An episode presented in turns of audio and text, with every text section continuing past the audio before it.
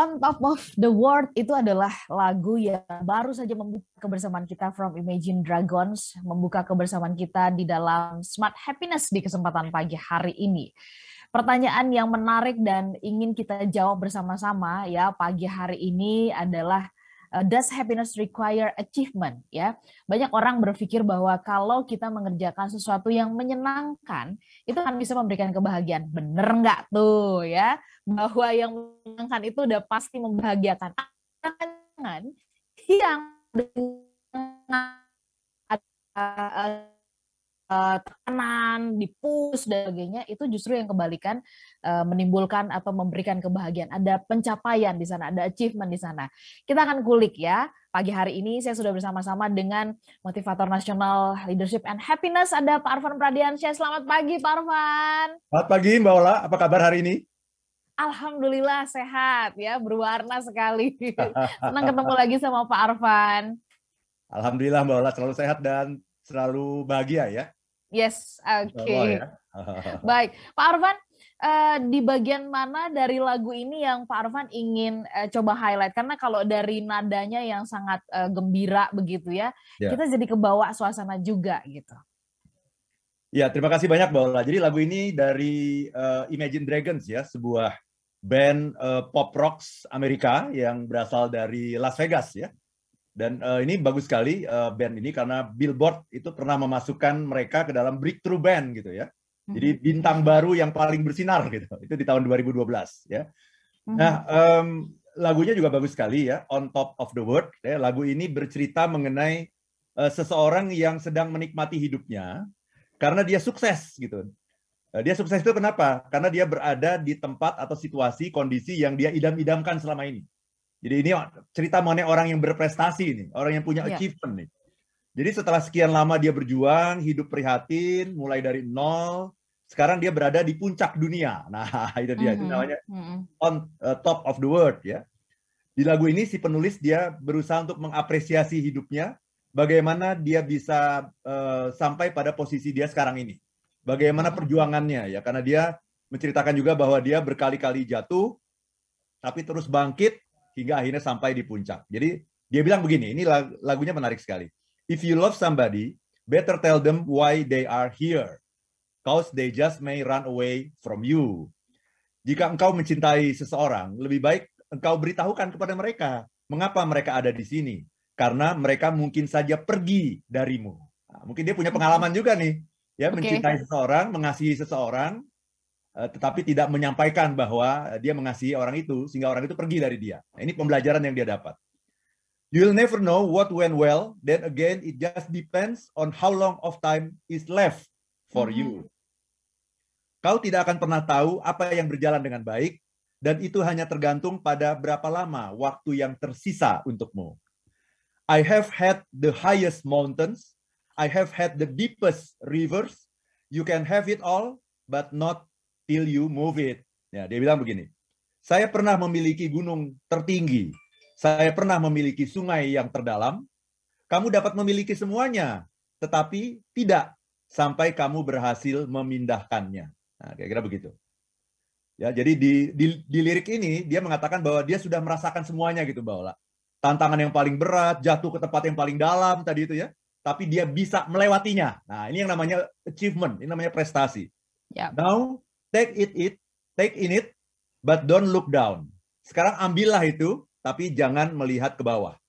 Cause I'm on top of the world ya I'm on top of the world. Karena aku ada di puncak dunia. Aku ada di puncak dunia. Waiting on this for a while now paying my dues to the dirt.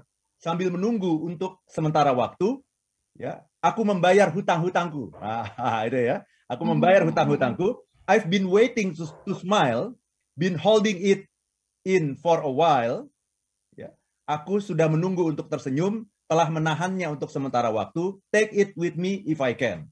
Ya, been dreaming of this since a child. Pergilah bersamaku. Aku sudah memimpikan ini sejak aku masih kecil. Nah, itu dia malah. Aku sudah memimpikan ini sejak aku masih kecil, and now I'm on top of the world. Aku ada di puncak dunia. Nah, ini mengenai achievement, Mbak Ola. Oke. Baik. Very good Ya, bagus sekali okay. Dan akhirnya sangat pas, sangat sangat pas banget dengan topik kita di kesempatan pagi hari ini ya, Pak Arfan ya. Yes, kita coba ada smart listener ya untuk ikutan ngobrol.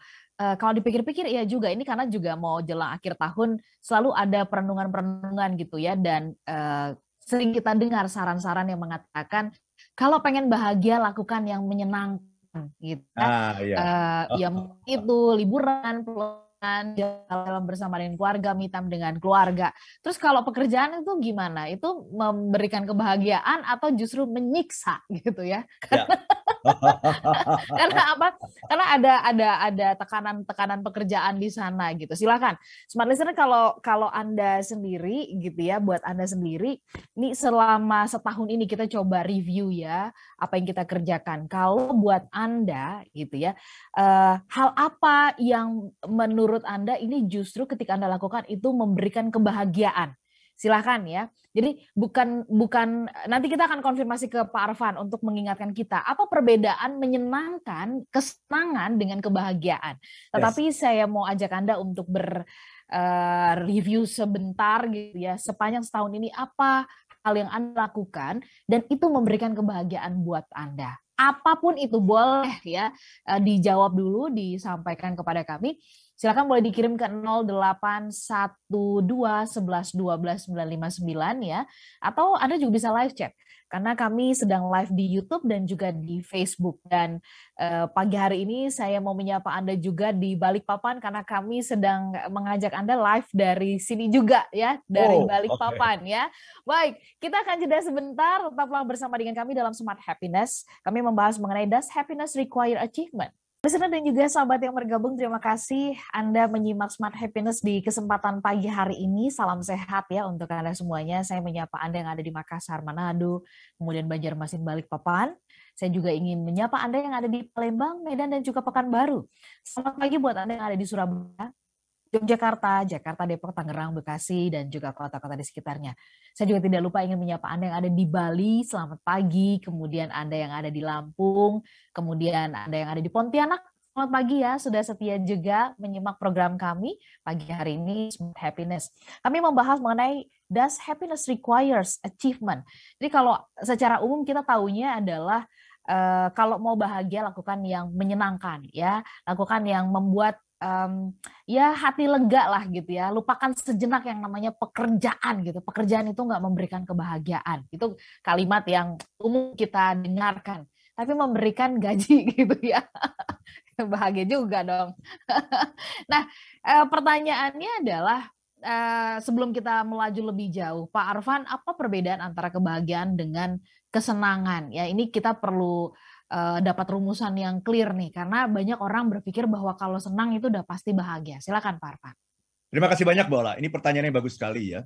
Saya pernah uh, beberapa kali bertemu dengan uh, pakar happiness dunia. Uh, ini orangnya sangat terkenal di dunia hmm. psikologi positif karena hmm. beliau ini adalah pendiri dari psikologi positif. Ya. Hmm. Karena sebelum uh, beliau berinisiatif dengan gerakan ini, psikologi itu membahas hal-hal yang negatif gitu. Jadi hmm uh, psikologi itu membahas uh, mengenai orang-orang yang sakit, orang-orang yang depresi, orang-orang yang putus asa, orang-orang yang kehilangan gairah hidup gitu ya. Um, Martin Seligman ini nama nama pakarnya ini yang uh, bertemu dengan saya ini dan saya sering mengikuti juga acara-acara beliau di berbagai tempat ya di luar negeri. Uh, beliau mengatakan bahwa bahkan selama 40 tahun saya menjadi psikolog dia bilang gitu. Saya tidak pernah bahagia dia bilang gitu. Bayangkan ya, dia pakar happiness loh ini ya.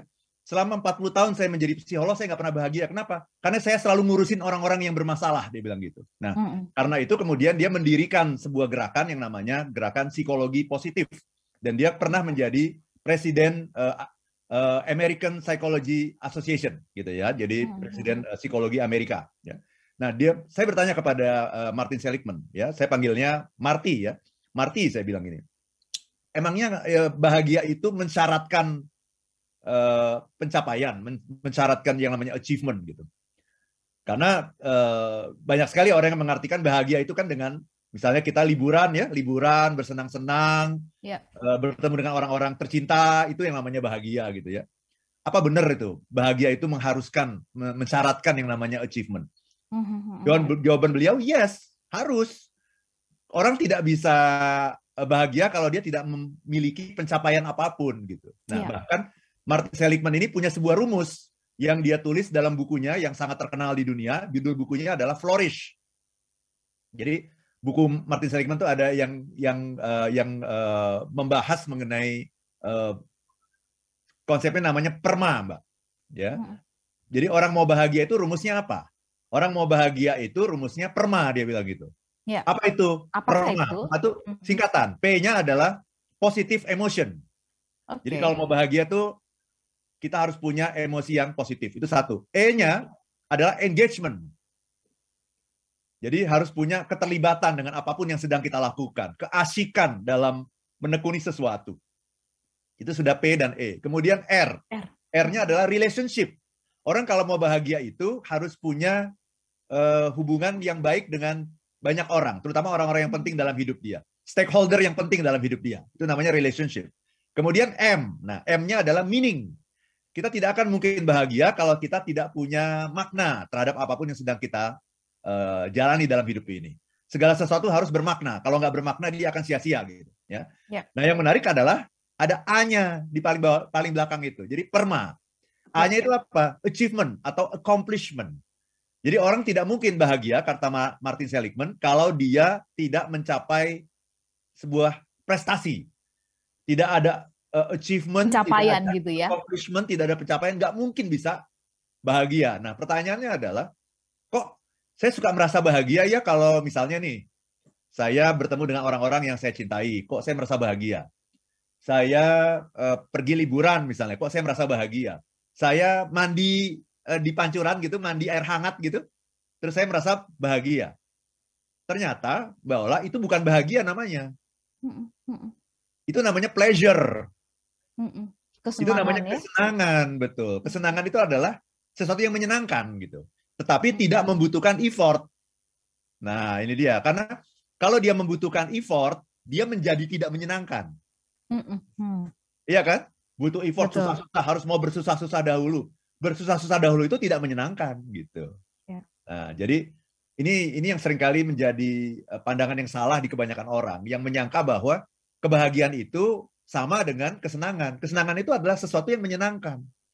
Kalau saya um, makan enak gitu ya. Uh, hari Minggu kemarin anak pertama saya Alisa berulang tahun gitu ya. Mm -hmm. kita makan enak lah gitu. Kita makan yang eh, jarang-jarang kita makan lah gitu ya. Oh, makanan yang serba enak itu menghasilkan seolah-olah kebahagiaan. No, itu bukan kebahagiaan karena nggak ada effortnya. Itu menghasilkan kesenangan gitu ya. Jadi tolong dibedakan. Kebahagiaan itu adalah sesuatu yang long lasting, yang berjangka panjang dan bersifat Eh, spiritual gitu. Nah, kebahagiaan dan ada effort di dalamnya begitu ya Pak Arfan. Ya? Betul. Ya? Karena ketika kita melakukan sesuatu yang sulit, Mbak Ola. Ya. Ketika kita melakukan sesuatu yang sulit, maka kita akan mengerahkan kemampuan terbaik kita. Ya. Maka inner beauty kita akan keluar gitu ketika kita melakukan ya. sesuatu yang sulit. Nah, ketika kita berhasil mencapai apa yang kita inginkan itu, apa yang menjadi target kita itu, maka ada sebuah perasaan puas gitu yang sulit dilukiskan dengan kata-kata gitu. I feel great gitu. I feel great. Aku merasa great gitu, benar-benar luar biasa gitu. Nah, itu perasaan itu adalah perasaan saya mampu memberikan yang terbaik gitu. Saya sudah menjadi the best version of myself gitu. Versi terbaik dari diri saya. Saya sudah mampu menaklukkan hal yang sulit gitu. Itu perasaan yang nggak bisa dilukiskan dengan kata-kata gitu. Dan hanya bisa dirasakan ketika Anda berhasil menaklukkan sesuatu yang sulit gitu. Itu rasanya luar biasa gitu. Nah, itulah yang namanya happiness, kebahagiaan. Justru karena effortnya yang besar, maka kebahagiaannya, proudnya, kebanggaannya itu juga besar sekali, Mbak Ola. Itu yang dicari oleh banyak orang ya. Orang kadang-kadang tidak menyadari. Kenapa? Karena ada hambatannya untuk mencapai itu. Hambatannya apa? Harus effortnya luar biasa. Nah itu. Ada usaha, ada ada perjuangan di situ betul, barangkali betul. Uh, harus merelakan misalkan tidak jalan-jalan, tidak liburan, tidak ada me time ya, kurang tidur ya, betul, barangkali betul, betul. sampai seperti itu gitu ya Pak Arfan. Betul. Tapi ketika mencapainya itu I feel great gitu, luar biasa itu rasanya. Ya, itu Mbak ya, Baik. Oke, makin clear ya, smart listener ya, perbedaan antara kebahagiaan dengan kesenangan. Berarti Pak Arfan, kalau selama ini banyak yang, uh, kalau orang ditanya gitu kan secara natural, apa sih cita-citamu, apa sih impianmu, ya pengen bahagia. Apa sih bahagia gitu kan kalau di, di, ditanya gitu yeah. ya. Punya ini, punya itu, ya bisa ke sana, bisa ke sini. Ah. Kalau bisa, saya tetap kerja tapi cuti 10 gitu kan. Ya. Contoh yeah. nih, contoh. Berarti itu uh, salah gitu ya Pak Arfan ya, salah kaprah, salah penempatan begitu kalau kita mengatakan kita ingin ini itu dan sebagainya, tapi kemudian kita mengatakan bahwa itu adalah kebahagiaan, itu adalah gambaran kesenangan ternyata kesenangan, betul. ya. ya. Baik, baik. Kalau begitu uh, Pak Arfan, kalau banyak kita yang salah kaprah, ya, kesenangan bahagia, itulah yang membuat akhirnya banyak orang merasa tidak feeling happiness, tidak merasakan atau tidak mendapatkan happiness karena juga cara dan uh, maksud dan tujuannya pun uh, bertolak belakang begitu Pak Arfan. Mungkin Betul sekali. Pak Arfan bisa jelaskan faktor-faktornya begitu. Betul sekali, karena ketika kita eh, bahagia karena kita uh, berhubungan dengan orang-orang yang kita cintai misalnya, kalau tahu-tahu kita punya masalah dengan mereka, kebahagiaan kita akan berkurang. Jadi mm-hmm. sumber kebahagiaan kita itu adalah sesuatu yang ada di luar kita. Hmm. Ya kan? Hmm. Pergi pergi liburan, itu kan di di luar kita, ya. Bertemu dengan orang-orang yang kita cintai, itu kan sesuatu yang ada di luar kita. Kalau saya memberikan contoh tadi, mandi di pancuran itu mandi air hangat gitu ya. Itu kan di luar diri kita. Jadi kebahagiaan kita itu tergantung pada sesuatu yang ada di luar, eksternal. Saya sedang mandi air hangat, sedang menikmati, tiba-tiba listrik mati, gitu ya. Betul. Kebahagiaan saya langsung berubah. Aduh, gitu ya. Langsung panik ya. gitu. Oh, ini masih ada sampo nih, langsung panik gitu. Ya. Eh, bisa juga sebetulnya begini Mbak Ola ya. Misalnya uh, saya mem, uh, pergi liburan, misalnya pergi ke luar negeri gitu, sebagai cara saya mengapresiasi pencapaian saya. Nah, itu beda sudah. Itu beda karena saya harus mencapai sesuatu dulu dengan berjuang keras. Setelah itu saya memberikan hadiah kepada saya dengan pergi liburan ke luar negeri gitu. Itu sesuatu yang berbeda. Itu namanya pencapaian juga itu. Itu bukan pleasure, tapi pencapaian gitu. Ya, jadi yang ingin saya sampaikan adalah uh, kalau kebahagiaan kita itu bersumber dari sesuatu yang ada di dalam, itu akan lebih long lasting, akan lebih uh, eternal gitu ya, akan lebih abadi gitu kebahagiaan kita itu. Jadi kita menciptakan, jadi kita merasa bahwa saya yang hebat gitu. Jadi ya. itulah yang namanya being sebetulnya. Ya kan konsepnya itu ada being, ada doing, ada having. Nah, yang paling tinggi itu adalah being ketika saya berhasil mencapai sesuatu saya sudah menjadi orang yang lebih baik dari saya yang kemarin karena ini ada ya. sebuah target yang sebelumnya saya tidak pernah capai. Sekarang saya bisa mencapai ini. Itu namanya hmm. being. Saya sudah menjadi gitu. Bukan hanya melakukan apalagi having. Nah itu memiliki. Nah itu yang paling rendah. Itu kalaupun dibilang kebahagiaan itu sesungguhnya kebahagiaan yang paling rendah. Ketika kebahagiaan kita tergantung dari apa yang kita miliki. Apa itu? Ya. Uang yang banyak, teman-teman, uh, makan yang enak, itu kebahagiaan karena having gitu. Nah, itu yang paling rendah hmm. sebetulnya. Itu yang hmm. kalau dalam konsep ini kita namakan sebagai pleasure, sebagai hmm. kesenangan, Mbak Ola. Sebetulnya ya. bukan kebahagiaan gitu. Baik. Kebahagiaan Pak, itu being, Mbak Ola. Being ya. Pak Arfan tadi Bapak mengatakan kebahagiaan yang bersumber dari dalam ini akan long lasting. Nah, ini saya mau tanya tentang ruang dalam ini nih, gitu nah. ya. Dalaman-dalaman ini nih yang jadi PR ruang dalam yang seperti apa yang nantinya itu dia bisa uh, ya menjadi sumber atau kalau kita bilang itu mata air mata air kebahagiaan gitu ya ruang dalam yang kayak apa uh, karena uh, mungkin smart listener banyak yang mengatakan gimana Pak Arfan? Saya banyak merasa kecewa saya banyak merasa sedih. Saya merasa ini kayaknya uh, ada banyak konflik dan sebagainya. Terus gimana saya bisa dari titik itu bisa menghasilkan kebahagiaan gitu? Nanti kita bahas ya Pak Arfan ya. Baik, Selamat dan juga sahabat yang bergabung, ajak Anda boleh uh, kasih review, ingat-ingat dulu sepanjang setahun ini apa pun itu gitu ya, uh, apa yang membuat Anda bahagia? ya? Apakah itu pekerjaan apakah itu soal eh, keluarga tantangan yang lain dan sebagainya atau hal-hal yang anda lakukan kayak liburan dan sebagainya. Tapi pertanyaannya apa yang membuat anda bahagia dari Januari sampai dengan ya ini mau masuk ke Desember ya? Boleh anda kirim ke 0812 11 12 959 atau juga live chat di Facebook dan juga di YouTube. Kami jeda sesaat